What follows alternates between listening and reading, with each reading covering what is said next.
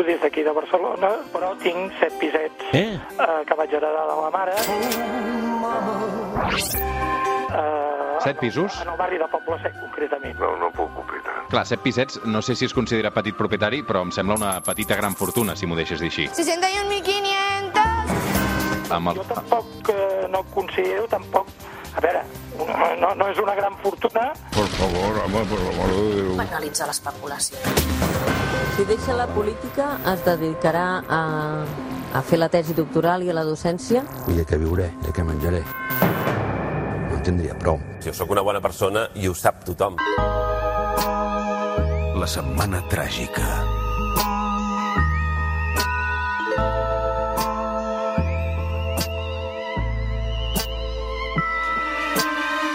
Som al Suplement, som a Catalunya Ràdio, això que sona és la Setmana Tràgica, cada diumenge amb un equip de bones persones encapçalat pel Ion Sindreu, que és a Londres, columnista, periodista del Wall Street Journal. Què tal, Ion? Bon dia.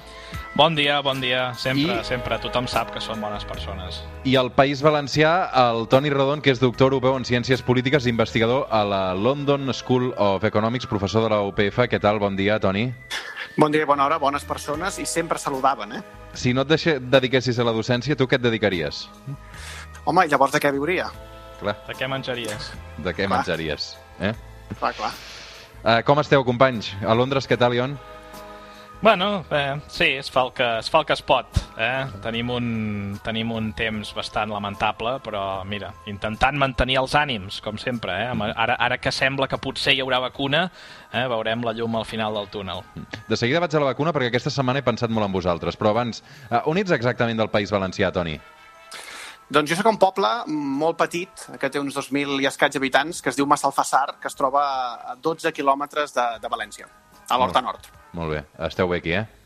Sí, sí, molt bé, molt bé. Fa molt bon temps, al contrari que, que en Jon, des d'aquí jo una abraçada. Uh, sol, Sí. uh, es, es menja bé, escolti, molt bé. No Sí, podria els meus millor. pares, ja, els meus pares ja em van informant eh? de com de millor esteu vosaltres, per tant, moltes gràcies.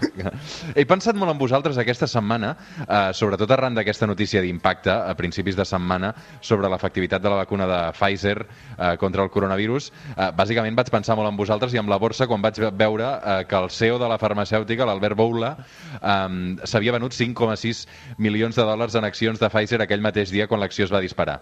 Eh, això és legal, companys? Perquè, clar, Sí, sí, sí, a veure, aquí eh, d'això se n'ha parlat molt, però això és totalment legal, eh? Això, eh, a veure, a vegades es fa i és il·legal, perquè ens entenguem, és el que se'n diu eh, insider trading, eh? és informació privilegiada que tu, com a cap de l'empresa, saps que això farà pujar l'acció i vens just abans, no?, o just després, perdó, per, eh, o compres just abans per, eh, per fer calés. Ah, però no és el que va passar aquí, eh? Tot això es va fer seguint un procediment regulat eh, que existeix, eh, segons el qual eh, els caps de les empreses, no? eh, pensem que aquesta gent rep gran part de la compensació amb accions, però que tenir eh, totes les accions en una sola empresa és una molt mala idea i si a sobre és la teva empresa encara pitjor, perquè si l'empresa va malament perds la feina i les accions no valen res. Per tant, eh, es permet que aquest tipus d'executius puguin diversificar eh, el seu patrimoni, per tant, eh, ells anuncien no? ja abans, eh, abans d'hora que eh, si, per exemple, en aquest cas, el senyor Borla va dir el passat 19 d'agost que vendria eh, tantes accions quan sobrepassessin el preu eh, de que era 41 amb, amb 94 dòlars. Clar, després ha tingut sort, no?, eh, perquè es podia haver tardat molt a arribar a aquest nivell i, de fet, les accions ja estan per sota d'aquest nivell, no? Ah, però també pots argumentar que, mira, tenia molta confiança en que la seva empresa se'n sortiria amb la vacuna, eh, si és que efectivament és així, i per tant li han anat bé les coses. Um, també és veritat que, que per evitar interpretacions negatives, ell podria haver dit que, que no les venia, eh? és a dir, tenia l'opció de no vendre-les. Però, a veure, tampoc, tonto tampoc és, eh? Que la Clar, pela clar, és la el, que, pela. el que passa, Jon, aquí, que a veure, vull dir, una cosa és que sigui legal, l'altra és que... fa de mal quedi- explicar. Eh? Tu miris sí, per on que tu miris, fa de, mal, mal, fa de molt mal explicar. Bé, això en els mercats sempre es diu, hi ha una cosa que, que, que és uh, un, un, una dita molt popular, eh, que es diu uh, compra el rumor, ven la notícia que vol dir que uh, quan, uh, no? que, que, que quan uh, hi, ha, hi ha un rumor de que alguna cosa anirà bé, és el moment no? d'aprofitar que, que, tot, que els mercats pugen i és tot fantàstic, uh, però en el moment en què arriba la notícia de debò, normalment aquesta notícia sempre és una mica més dolenta uh, que el rumor i, per tant, no és el moment de, és el moment de vendre. Per tant, uh, és una mica això, eh? és, és jugar amb l'expectativa que les coses aniran bé i, efectivament, doncs mira, li ha sortit, uh, li ha sortit positiu. Per cert, aquests de Pfizer eh, són els de la Viagra, no? Sí, sí. Què, què vols dir? Et fa, et fa gràcia, això? No, no, home, no, jo, jo sóc grandet. Eh, Et fa gràcia que, que el, no, la gent de la tercera edat uh, pugui tenir... Um, escolta'm, eh, si Déu vol, tots hi arribarem aquí, eh? Vull dir Sí, que, sí, sí, Déu vol, eh, tard o d'hora, eh? sí, Allà sí, esperem que sí. No? Sí, sí, sí, sí, sí. Molt bé. Uh, Toni, alguna cosa més? No, no, no. Uh, simplement, uh, aquí la gràcia que m'ha fet amb això de Pfizer és, és tota aquesta mena de, de, de diplomàcia de veure qui augmentava més el percentatge d'èxit de la vacuna. Eh? Uh, recordem que Pfizer uh, va anunciar que la seva vacuna era efectiva al 90% i just després ja van venir els russos dient que la seva era el 92, crec que era per cent. Eh? Ara a veure, és una mica a veure qui dona més. Mm -hmm. Va, veiem amb, amb què acaba tot això. En qualsevol cas, el que està clar és que aquesta setmana, amb el que hem vist, els que no estan ni per comprar ni per vendre accions, eh, segurament tampoc per Viagra, eh, són els autònoms, perquè eh, hem assistit al que segurament ha estat un espectacle eh, lamentable de les ajudes per sortejar eh, les ajudes pels autònoms d'aquest govern. I avui, de fet, el que volem fer amb el Toni Rodon i el Leon Sindreu eh, és, eh, aprofitant aquest fiasco, eh, les alternatives que hi havia sobre la taula. Els departaments de polítiques digitals i de treball es culpen mútuament del col·lapse en el sistema perquè els autònoms demanin l'ajuda de 2.000 euros de la Generalitat. No funciona per segon dia consecutiu. Aquest és el Carlos Baraibar fent-se ressò doncs, d'això que ha donat de sí aquesta setmana. Rodon, Sindreu, l'expressió que eh, aquesta que els autònoms són els que aguanten el país és veritat o no? No. A veure, eh, és que a veure, no, no, no sé molt bé què vol dir. No? Quan dius aguanten el país, què vols dir? Eh, És a dir, sí, en el sentit que n'hi ha molts, no? Però en aquest sentit moltes coses aguanten el país. Llavors aquí, el, el, clar, aquí cal distingir no, si les economies eh, més avançades tenen més o menys autònoms. Hi ha com una mica no, el mite que arriba per, per les dues bandes de l'espectre polític, tant per esquerra i per la dreta, eh, de que el capitalisme bo és tot això dels emprenedors, no, de, de Pau García Milà i, i, i els autònoms i les empreses petites, eh, però tot això eh, no té res a veure eh, amb la realitat eh, i de la història del capitalisme, que de fet és tot el contrari, no? es basa precisament en, en produir en massa, no? en concentració de capital i en eh, grans empreses. I de fet, si mirem tots els indicadors eh, econòmics aguts i per haver, eh, el que t'ensenyen és que la productivitat augmenta a mesura que augmenta la mida de l'empresa, eh, que les empreses petites, o si ets autònom, ja no diguem, si tendeix a cobrar menys i a tenir una feina eh, més inestable i que, de fet, en general, els països eh, més rics són aquells que tenen eh, majors grans empreses i que aquestes grans empreses eh, doncs, són més poderoses. De fet,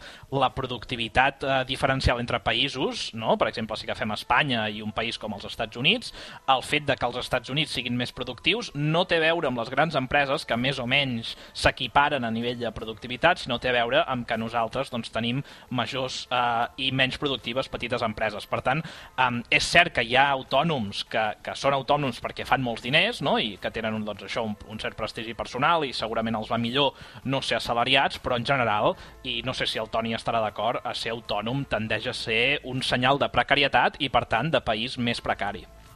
Toni. Sí, de fet, sí, totalment. De fet, si, si vosaltres ara us entreteniu, diguéssim, el diumenge a buscar les dades i mireu a quins països tenen més autònoms i quins països tenen menys autònoms, el primer que veureu és que aquells països que van pitjor que tenen una economia més, més eh, negativa o més deteriorada són precisament aquells que tenen més, més autònoms. I això per què? Doncs precisament perquè eh, és l'únic sector de l'economia, formal o informal, diguéssim, que, que funciona. Aleshores, aquí una mica el debat, però, es troba en una altra banda, no? que és que hi ha un debat intens entre els economistes de fins a quin punt tenir un xic més d'autònoms o un xic menys d'autònoms eh, va bé per, per l'estat de l'economia. El que sí que estan tots d'acord és que eh, només amb autònoms l'economia no rutlla. És a dir, que necessites primer un coixí de gent que precisament no sigui autònoma per, per fun fer funcionar l'economia i després oferir oportunitats perquè, en tot cas, la gent que vulgui ser autònoma i emprenedora doncs s'hi dediqui. Ara bé, eh, aquesta idea, una mica per tornar a la pregunta de que un país el tiren endavant els autònoms, bé, no, un país el tira endavant tothom i, en tot cas, eh, eh, només amb els autònoms no fas que l'economia funcioni. I ja que deies això de les dades, Toni, mira, jo les, les he anat a mirar, eh? i si mires, per exemple, països de l'OSCD, Uh, doncs uh, mires no, el, quins països, uh, com es divideix no, la, el, els assalariats, si mires uh, empreses de, de mida d'una a nou persones, una seria un autònom, nou seria una petita, molt petita empresa, uh, quins països tenen el percentatge més elevat dins els desenvolupats? El primer, Grècia, després ve Itàlia, l'únic així enmig decent és, és Austràlia, no? però després tens Eslovàquia, Portugal, Turquia, i llavors arriba Espanya, Polònia, Eslovènia. Si mires quins són els que menys, doncs no ens sorprendrem, no? Estats Units, eh, Suïssa, Luxemburg, Gran Bretanya, Alemanya, Dinamarca, Nova Zelanda. I ahir que estem fent comparatives amb altres països, eh, és evident que, que, que aquest coronavirus està carnissant, eh, en el cas de l'estat espanyol, amb els autònoms, eh, perquè bàsicament queden a la intempèrie. Podem comparar una mica eh, quines mesures han aplicat arreu d'Europa amb aquestes ajudes als autònoms i comparar-les amb les que estem tenint aquí? Sí, sí, sí. evidentment. Sí, sí, de fet, eh, i aquí varia molt, eh? també depèn una mica de, del país, però, per exemple, podem, podem posar casos de, de, de països, en certa manera, semblants, per dir d'alguna manera. No? I, en, en, en general, el patró que veiem, i si no, que, en, que en jo no em corregeixi, és que eh, els beneficis han estat un xic més generosos que, que en el nostre entorn. Per exemple, en el cas de, de França, eh, s'han fet, fet diferents onades d'ajudes i eh, que, bàsicament, eh, es basen en que els autònoms poden reclamar doncs, fins a 1.500 euros eh, al mes mes, eh, des del mes de, de juny, eh, que formen part d'un paquet que es diu eh, el paquet de solidaritat de, de, del Covid-19, o Alemanya, per exemple, que és un dels països més generosos en aquest sentit, se'ls paga directament 1.000 euros al mes als autònoms, Uh, després, també, per agafar un entorn més uh, semblant al nostre, uh, potser hi ha el cas d'Itàlia. A Itàlia han fet una mena de, de decret que li diuen Cura Itàlia, i un, una mesura coneguda eh, com a bonus 600. Per què es diu bonus 600? Doncs perquè els autònoms eh, automàticament, diguéssim, un cop apliquen o sol·liciten, obtenen uns 600 eh, euros eh, al mes. Eh, la cosa varia, però a mi em dóna la sensació, Ion, i si no corregeix-me, que eh, l'ajuda als autònoms eh, arreu d'Europa ha estat un pèl més generosa que en el nostre context. Sí, sí, de fet aquí al Regne Unit eh, doncs el 80% del sou mensual eh, fins hi ha un límit, eh, que són 2.500 lliures al mes, però dels, eh, dels treballadors autònoms eh, els està pagant eh, i els ha pagat el govern. I una cosa que a més a més també tenim, per exemple, posaves l'exemple de França, no? més enllà de l'ajuda, eh, el que sembla no més natural és suspendre no? la, la quota que has de pagar eh, com a autònom eh, en el govern. No? Eh, això doncs, a França s'ha suspès i, i té tota la mm. lògica del món, no? que no hagis de seguir pagant en un moment d'emergència com, com ara mateix. De fet, el drama d'aquesta setmana eh, ha estat bàsicament que hem jugat una mica, ha semblat això que era la Bonoloto, no? amb aquest concepte de, de repartir eh, els diners per ordre... Mira, aquí tenim la... la... A veure, puja, puja, Sam. Una mica la idea aquesta de repartir els diners per ordre d'arribada, no? Um, fins que s'acabin. Sí. Que això no sé si és un criteri de distribució de recursos públics. Ho pot ser. Uh, hi havia molta gent, per exemple, quan, quan jo vaig, vaig enfotre una mica de, de, del que havia passat, uh, i la gent em deia, no, amb, amb raó, per, per el Twitter i per altres vies, diu, home, però pensa, per exemple, en el Pla Renove, no? que és allò que et donen un incentiu per comprar un cotxe nou. Clar, és diferent, perquè un Pla Renove uh, està basat en la idea de que, per exemple, volem ajudar no, a la indústria de l'automòbil i tenim tants diners per fer-ho o pensem que els cotxes antics contaminen massa i volem renovar doncs, una certa, un cert percentatge del parc mòbil, per tant donem aquests diners i, i no importa gaire si al final no, qui, qui es renova el cotxe sóc jo o ets tu i que, i que potser per quan jo hi vagi ja s'ha acabat. No? Això és diferent perquè aquí estem parlant no d'un principi social d'equitat en què eh, doncs, considerem socialment que en els autònoms se'ls ha d'ajudar de certa manera i clar, si, si resulta que, que és el primer que, no, que, que apreta el botó d'F5 a l'ordinador, la veritat, com a criteri, eh, és bastant pobre. Mm -hmm. Toni.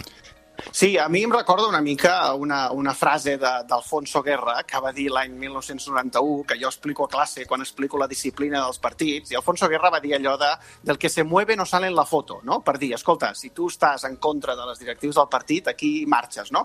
Doncs una mica això, no? que és que si tens temps d'arribar, bé, toca, i si no tens temps d'arribar, doncs mala sort. I això té un problema fonamental, que és que genera, genera biaixos, no? perquè, per exemple, potser aquella gent que ho necessita més, a aquella hora no pot, no pot estar-se dos dies intentant connectar a la pàgina web per tal de que li funcioni el seu navegador. O gent que, per exemple, no té eh, això, el temps, no té els recursos, no, no sap informàtica. Per exemple, l'altre dia al TN sortia una persona que havia estat amb tres o quatre ordinadors a la vegada intentant doncs, fer funcionar el sistema. Clar, això no ho pot fer tothom, no? Per tant, hi ha un viatge de- d'entrada eh, que no sé per què es va optar per aquest model, en tot cas, és el model que es va acabar implementant i pel que veiem no ha acabat de funcionar del tot bé. Mm.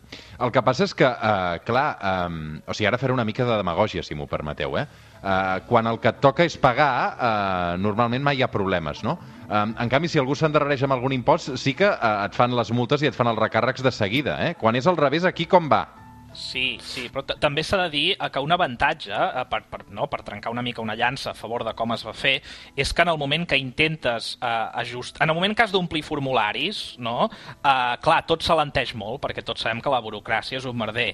I si ho fas d'aquesta manera, no, eh, el primer que arriba és el primer que se serveix, precisament eh, doncs escapa, t'estalvies tots els problemes que hi ha involucrats no, quan, quan has d'omplir formularis, quan has de fer tràmits, etc. El problema, clar, és que després tenim això, no? que, que, que és el que de- deia ara el Toni, que a nivell eh, d'equit- equitatiu doncs és, és bastant doncs, dubtós fer-ho d'aquesta manera. No? Uh, I de fet aquí, uh, precisament d'això, és, és, és, és un debat que s'ha tingut molt a nivell econòmic darrerament, ja abans del Covid, perquè uh, segurament heu sentit a parlar del que se'n diu uh, la renta bàsica universal, no? uh, que de fet és aquesta idea de que tothom doncs, cobraria una renta bàsica mínima, que és el que se suposa que a nivell social necessitem per viure, i en tot cas després, això fins i tot els rics, eh? fins i tot els rics la cobrarien, i després a través d'impostos doncs, et prendríem una mica eh, no, l'accés que tu com a persona rica has cobrat d'aquesta renda. Um, i, I clar, això, aix- quin és l'avantatge d'això? Doncs en té diversos, no? I un dels principals és el que dic, és la manca de burocràcia, no? I això és una cosa relativament senzilla de fer, mentre que si dissenyem un subsidi en què cal un tràmit molt extens no? per, per saber qui ets i si realment tu mereixes, eh, no només pot ser que això et posi un cert estigma, no? estigma de que ets pobre, per exemple, sinó que a més a més, eh, això són els que se'n diuen en anglès subsidis eh, means tested, eh, hi ha doncs, un, un cost no? de fer tot això. Per tant, sí que és cert que costa equilibrar aquestes dues coses, no? el fet de fer-ho senzill o el fet de eh, doncs, intentar que sigui equitatiu. Toni.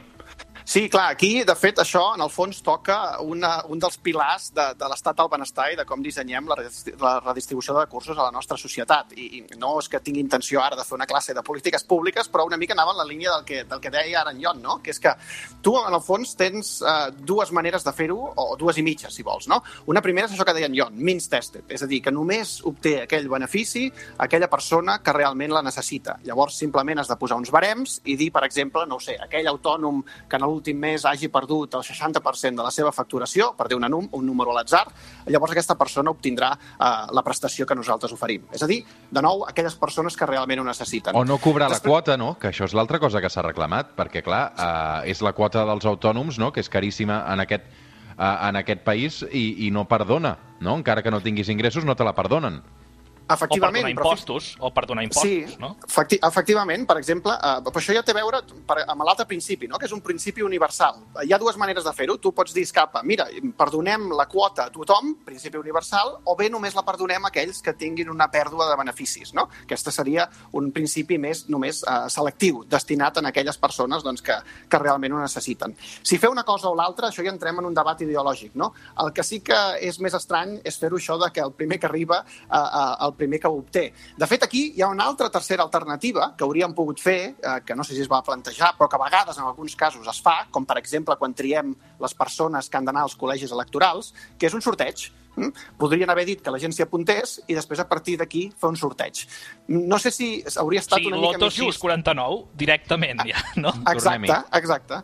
La grossa. Uh, digues, digues, Toni. Home, digues. No, seria no. més just. Sí, clar, aquí entrem en la idea aquesta de si quan et toca, eh, per dir-ho d'alguna manera, la mà de Déu, eh, és més just. En tot cas, és un pèl més just que aplicar aquest sistema de que el primer que arriba primer ho, eh, primer ho obté, no? Però en tot cas, aquí de nou, eh, normalment hi ha aquests dos criteris o dos criteris i mig. El que normalment no existeix és aquesta idea de que el primer arriba, primer obté el benefici.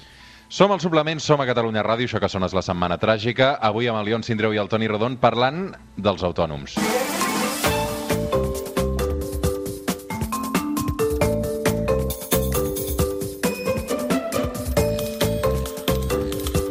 Parlant d'autònoms, eh, els jugadors del Barça d'autònoms no ho són, no? No. No, no, no. Ells són, són... Eh, són assalariats directament, no? De fet, aquí ha vingut no, ara mateix tot el, no, tot el, el conflicte laboral que ara mateix té el Barça, no? en què resulta que els treballadors eh, del club, eh, la gent normal, no? com nosaltres, i els, treballador, i els treballadors que són els, el- els estrelles, no? els jugadors de futbol, doncs tenen el, el mateix estatus. Uh, però sí, sí, de fet, i de fet jo m'hi referia una mica a això abans, eh? sí que és veritat que hi ha autònoms que són autònoms perquè són això, no? treballadors estrella o gent que ja ha tingut una trajectòria i té molts contactes i per tant doncs, cobra molt més sent, sent autònom, però en general és més aviat un senyal de, de precarietat. Toni.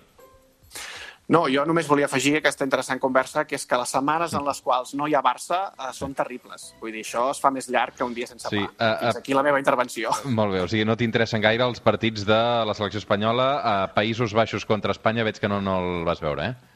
Ah, juga a la selecció? No, no ho sabia. Es- Estàs jugant aquests dies, sí. Per cert, per Ah, cert, per cert, uh, crec que has estudiat, avui que parlam dels autònoms, et vam demanar, escolta'm, què voten els autònoms? Perquè això el seu ho deu dir, no?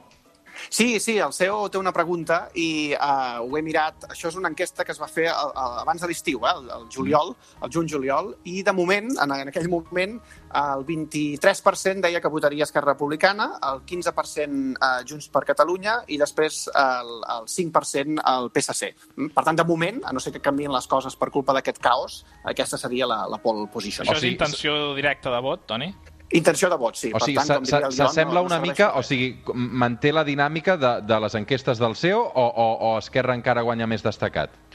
No, Esquerra obté un, un avantatge una mica més elevat entre, entre, entre els autònoms. I, I, de fet, hi ha una cosa que es detecta entre els autònoms, que ja ho, he mirat unes dades que van publicar fa uns anys, eh, quan estudiàvem les eleccions a, a Catalunya, i això s'ha s'ha girat, eh? perquè abans el, els autònoms votaven més a Convergència, però ara això s'ha girat. Vaja. I una altra cosa interessant és que els autònoms eh, s'abstenien molt, però ara eh, estan molt mobilitzats. Tenen Tots a votar. Toni, els, els autònoms són el nostre Ohio, ja que tot és el nostre Ohio. Sí, exacte. Bé, jo, jo no m'atreviria jo a fer prediccions perquè ja saps que després predim que hi haurà guerres i que això costa de... Sí, exacte, de exacte. Ja, ja que Ah, és- parlem A veure, és veritat, sí, escapa. és que sou molt pesats. Eh, deixa'm posar en context a l'audiència. Tenim un xat intern entre setmana on pactem temes de la setmana tràgica i eh, se m'ha demanat eh, repetidament que tingueu un espai per reivindicar eh, la maroteca fallida de tots aquells experts que van vaticinar que si Trump perdia les eleccions i no reconeixia eh,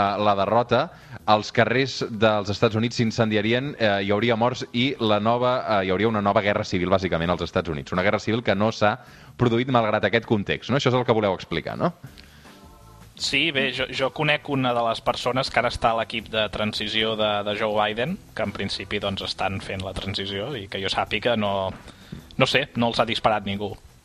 No, per, per deixar-ho aquí, eh? perquè a vegades és molt fàcil, segons quins articles que he llegit i, i, no, i, i, això, i aquells eh, talls radiofònics que ens vas passar l'altre dia, aquí tu eh, és fàcil predir llum, foc i destrucció, però després portem dues setmanes i no, no sé, no, de moment no passa. Eh, quanta rancúnia que guardes dins, eh, Ion?